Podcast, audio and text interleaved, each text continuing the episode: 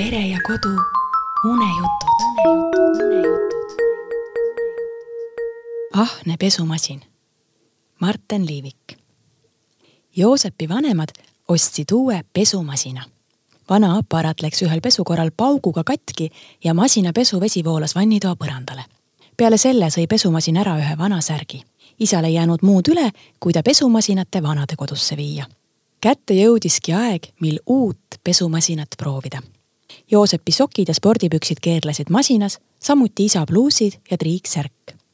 korraga hakkas masin mürisema, siis rappuma ja lõpuks tegi ta häält, nagu oleks suur koer masinas haukunud ja suuga matsutanud. mis siis nüüd, imestas ema. uus masin ja sellised hääled. vana oli küll rahulik, ainult lõpuaastatel mürises veidi.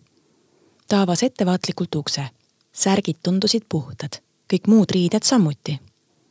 Ainult poja spordipükse ei leidnud ta kusagilt.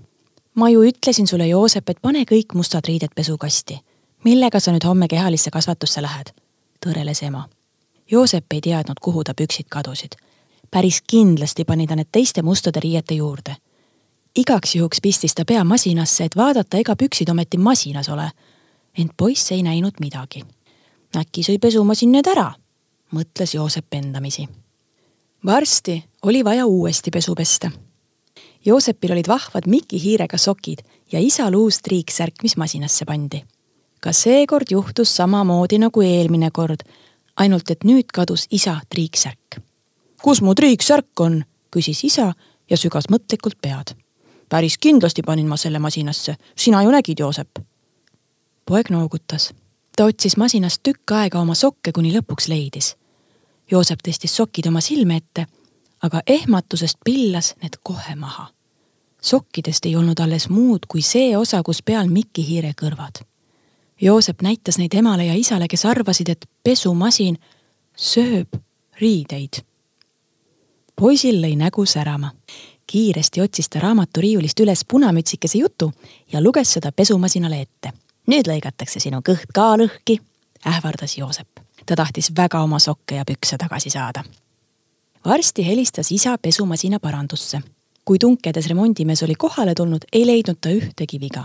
isa pakkus välja, et mees võiks oma mütsi ka ära pesta ja vaadata, mis juhtub, kuid töömees ei olnud sellega nõus. samas vaatas mees oma peakatet ja leidis sealt õlise pleki.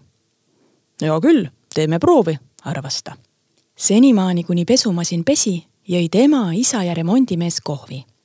Varsti kostiski vannitoast mürin, kolin ja matsutamine. remondimees avas ukse ja otsis oma mütsi. kadunud, hüüdis ta võidurõõmsalt. ema ja isa ei saanud aru, miks remondimees rõõmustab.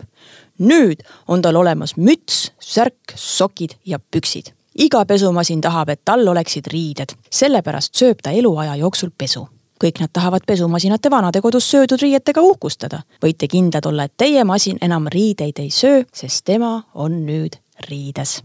seletas remondimees ning patsutas masinat, mille peale pesumasin justkui nurrus.